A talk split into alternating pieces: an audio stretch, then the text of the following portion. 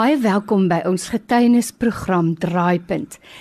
Dis elke Vrydag aand 9uur en dan word dit weer herhaal op 'n Sondagmiddag 06:30. Nou, ek is regtig bly dat jy tyd maak om te kom luister na die getuienis van iemand wat net weer vir jou en my bevestig ons dien 'n groot God. So onthou as jy getuienis het, moet asseblief nie nalat om dit met ons te deel nie. Jy SMS net vir my die woord draaipunt na 32716. Dit kos vir jou R1 of jy stuur 'n WhatsApp met die woord draaipunt na 084 66 14104. Nou iemand het wel by my draaitjie kom maak in die ateljee en ek moes nou vir hierdie jong man sê. Hy het so pragtige vel en blink oë Dit lyk asof hy nie 'n dag se probleme in sy lewe gehad het nie. Dis Sebastian Harrikom en hy het 'n verhaal glo ek wat jou werklik gaan raak. So Sebastian, ek sê dankie dat jy ingekom het. Ons waardeer dit baie. Dis reg ja, ek ek is ook bly vir die geleentheid dat ek kon inkom om my storie te kom vertel. Nou jy weet Sebastian, jou paadjie was nie altyd so gelyk nie, nê? Hoe hoe het jou pad geloop tot waar jy vandag hier sit? Ek is van Mannenberg.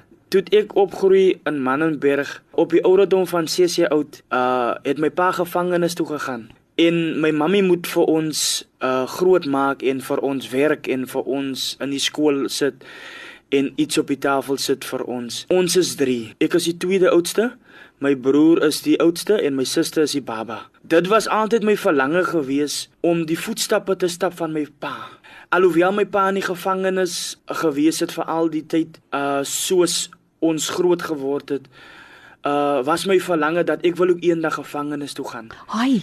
En jy weet uh op die ouderdom van 6 jaar oud, soos ek groot geword het, uh, het ek ook hierdie 'n soorte van taal aangeneem ek het ook uh op dobbelgame gestaan en ek het gedink dit is iets goed van dit klink reg. Mm. Ek het van jong ouderdom af begin.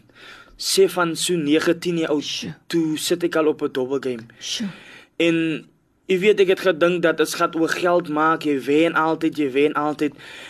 En jy weet op die ouderdom van 10 jaar oud, begin ek probleme gee op die skool. Ek begin te baklei met die kinders, ek begin te onbeskof wees met die juffroue en met die menere. Ek is elke dag in die kantoor van daar. Ek het nou 'n kind geslaan of ek het die verkeerd gedoen of ek wil nie luister vir die juffrou of vir die meneer in die klas nie. En jy weet dit ek, ek ek raak so groot van van van daar's hier 'n vaderfiguur mm. in my lewe wat vir my kan wys die pad of vir my kan leiding gee in die lewe nie. En jy weet terwyl ek so groot word, uh, dink ek dat om my eie groep op die op die skool te hê, is iets goed van ek wil mos nou 'n leier wees. En jy weet terwyl ek met hierdie gedagte begin te wandel en ek en ek begin te net verkeerde dinge doen, besef ek nie ek is besig om my lewe weg te gooi nie. Oh, sjoe. En jy weet op die ouderdom van 10 jaar oud uh, begin te ek met hierdie ding op die skool en en ek bou 'n uh, reputasie wat wat wat my naam swak maak op die skool. Mm. En jy weet my ma moes baie uit die werk het bly, dan moet sy inkom. Hoekom is haar weer Sebastian? As haar weer moeilikheid. Jy weet, hulle het my al onder social worker gesit ook al. Maar ek ek kon toe agter dat die social worker kon my ook nie gehelp het nie. Van van my pa was die een wat die dae gewees het in my mm. lewe nie. En jy weet terwyl ek so lewe en ek is op die skool en ek is buite die skool en ek begin te meng met verkeerde vriende en ons begin te sigarette rook, ons begin te afbreek na skool in die gemeenskap en uh ek begin te dagga rook en jy weet terwyl ek in op in hierdie dinge betrokke raak, lyk dit vir my goed van ek is jonk, ek is ek is nou 11 jaar oud en en dinge gaan net lekker vir my van is is naweke dan het ek geld dan dobbel ek dan rook ons en dan ons is net 'n 'n 'n jollification wat So jy's toe nou al so 'n ou man op 11. Verstaan jy? So so wat basies gebeur is dat uh ter, terwyl ek aan hierdie dinge betrokke raak uh begin ek beweeg met bendes en ek en ek en ek begin te uh, saam met hulle operate en ons steel, ons roof En op die ouderdom van 12 jaar oud word hy geskort van die skool af van die reputasie wat hy gehad het op die skool. Uh in 2003 toe kom my pa uit die gevangenis uit. En uh op daardie oomblik toe seker klaar diep in die ding uh van bendeskap en ek begin ek is nou in dwelms ook vasgevang. Ai. En my pa kom uit die gevangenis en hy probeer om dinge in orde te kry in ons huis, maar dinge kon nie in orde gesit word mm. nie. En hy begin te geweld gebruik op ons van ons is maar nou twee seuns en hy begin vir ons te slaan en hy begin vir ons net om die orde te hou. En jy weet dit het ook nie gewerk nie. Mm. en ons se familie skeur toe terwyl van my broer wat ook op drugs gewees het en wat so sy sy goed is verkoop het. En terwyl ek saam met my pa staan daai jaar skeur my my my my ma se huwelik en my pa se huwelik. En ek gaan saam met my pa en ek begin te op die straat slaap. Van nou het my ma vir ons uitgegooi en ek gaan saam met my pa en ek begin te hier slaap en ek begin te daar slaap en minnige aande dat ek iets vergeet om te eet nie, dan dan deur die dag moes ek 'n stukkie brood by die vrou vra, by daai vrou vra. En jy weet dit raak so gewoonte op die ouderdom van 13, 14 jaar oud waar ek nou begin te ek gaan rondloop en ek kyk nou waar ek kan iets steel of whatever ek kan doen. Jy skarrel nou die straat. Ja, af. ja, verstaan en en ek begin te mense goed steel om aan geld te kom om om dwelms te rook en om vir my iets te uh te kry om te eet en op die ouderdom van 14 tussen 14 en 15 jaar oud, ek begin ek met my pa Mendrik saamroek en na die Mendrik het ons saam begin te tik.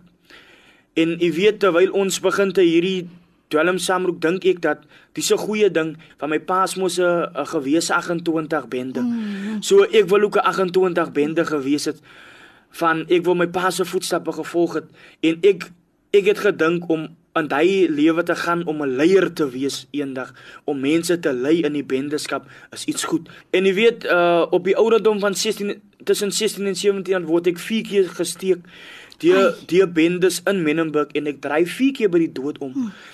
En uh terwyl ek deur die proses gaan in my lewe, dink ek vir myself, my Here, is is dit lekker om buite te slaap nie? En en en binne my binneste voel ek, maar dis hierdie lewe wat ek wil lewe nie. Mm. Een aand sien my suster vir my en ek slaap toe buite kan op die stees en uh sy sê toe my ma, kyk waar slaap uh Sebastian en uh my ma roep my toe in en my ma sê vir my kom weer terug en Ek was toe in by die huis, ek was vir my en ek sê vir myself ek wil my lewe verander. Maar so twee maande na dit ontmoet ek 'n vrou, Mrs. Julies, en sy sy steek 'n klein kind om vir my te vra om haar tuin skoon te kom maak. En ek gaan maak haar tuin so 2, 3 keer skoon en hier Vrydagmiddag sit ek in 'n voorkamer terwyl sy my iets maak om te eet en sy begin te praat saam met my. Sy vra my Sebastian ek gaan jy kerk? Ek sê nee gaan nie kerkie. En sy sê vir my luister wil jy nie Sondag kom na ons diens toe nie? En daardie tyd in my lewe toe toe toe voel ek dat ek ek ek wil my lewe verander maar ek weet nie hoe nie. Maar ek was nog altyd vasgevang in die drugs en in die bendeskap. So uh, terwyl ek uh, gaan die Sondagoggend na die kerk toe is ek nog in in invloed van van dwelms en ek dink ek gaan nou vir haar ontmoet daarso. En uh terwyl ek instap by die saal hoor ek hulle ou kerk. En ek gaan in en ek maak ek maak die deel op ek gaan in ek gaan sit sommer reg voor in die bank. En maar ek kyk met die gedagte dat ek gaan die vrou nou sien in die in die diens. Maar ek kry nie vir haar en ek gaan toe uit vir gebed. Ek sê pastor bid vir my en pastor bid vir my. En terwyl die diens uit is ontmoet ek die vrou uh Mrs Julius en ek sê Mrs Julius ek het nou uitgekyk vir u maar ek sien nie dit gekom ek gaan ding is by die kerk sy sê nee ons begin 10 o'clock. Maar van daardie tyd in 2008 het ek gereeld kerk geloop. Ek het naweke om 12 sit ek geroek ek was saam met my pa en so voets en my pa het gebly in Lewende Hill. Maar elke sonderdag was ek in die kerk gewees. En twee maande na dit toe verander die Here my lewe en die Here verlos my uit die dwelms uit hy haal my uit die gangsterisme uit.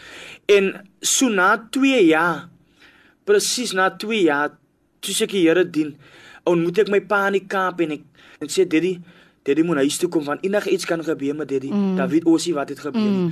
en net daardie woorde het die, die daardie woorde het my pa huis toe gekom. Prys die Here. En my pa kom die Sondagmiddag huis toe hy slaap by ons hy week die volgende Sondag toe gaan hy saam met ons kerk toe En die tweede Sondag toe gaan hy saam met ons kerk, die derde Sondag toe gaan hy weer saam. Die vierde Sondag toe maak hy ook 'n besluit ai, ai, om sy hart vir die Here te gee. Oh. Nou in die tyd terwyl ek kerk geloop het, so vir 6 maande tot 'n jaar, toe sit my ma ook aan by ons en na my ma aangesit het, toe sit my pa aan. Na my pa aangesit het, toe sit my suster aan. Oh. En uh, terwyl die Here die huwelike ook herstel in die proses waar ek begin te die Here dien en ek ons welkom my pa weer terug en my pa dien ook nou die Here. En uh wat vir my so wonderlik is, dit was altyd my verlange gewees om 'n rolmodel te gewees het selfs in my gemeenskap vir ander mense en selfs vir ons jeug vandag. Maar dit is nie deur die Here wat dit moontlik kon gemaak het dat ek vandag 'n rolmodel kon is in die Here van ek dink deur die bende uh, lewe wat ek gekies het, was ek 'n verkeerde rolmodel gewees. Want ek het ander mense se kinders die verkeerde mm. weggewys in die lewe. Ek was tot 'n nadeel gewees vir hulle, maar vandag in die Here kan ek tot 'n voorbeeld is vir baie ander jong mense daar buite kan. 'n Kind wil 'n held volg. En daarom is ek so dankbaar vandag dat die Here jou kan gebruik om 'n positiewe rolmodel te wees vir jong mense. So baie dankie vir jou getuienis vandag. Nou, ek wil net vir jou vra Sebastian, As jy nou 'n ouer is wat sê, "Ag, kan Sebastian nie met ons kinders kom praat nie of met my kind kom praat of vir ons net kom vertel van die gevare van die bendes." Sal jy bereid wees om dit te doen? En as jy dit sal doen, sê vir ons, waar is jou bediening of waar kan ons jou in die hande kry? Ek is eintlik 'n vrywillige werke in die gemeenskap. Van ons werk by skole ook nou. Ons Wonderlijk. werk al 7 jaar by skole. Ons gaan praat hoekom by skole saam met leerders in verband van die gevaar van mm. bendeskap en die dwelms. So ek doen en dit is my werk wat ek eintlik doen. Ek is nou al 3 jaar voltyds, maar ek is in die Mannenberg. Ek uh, kan my kontaknommer ook gee. Ek is nou net tot volgende maand toe in in Mannenberg, dan gaan ek weer Atlantis toe uh ons werk mos met 'n projek hoop so ons uh skenk skoolskoene aan kinders. My kontakpersoonhede is 063 7764 969. Ek herhaal, my kontaknommer is 063 7764 969.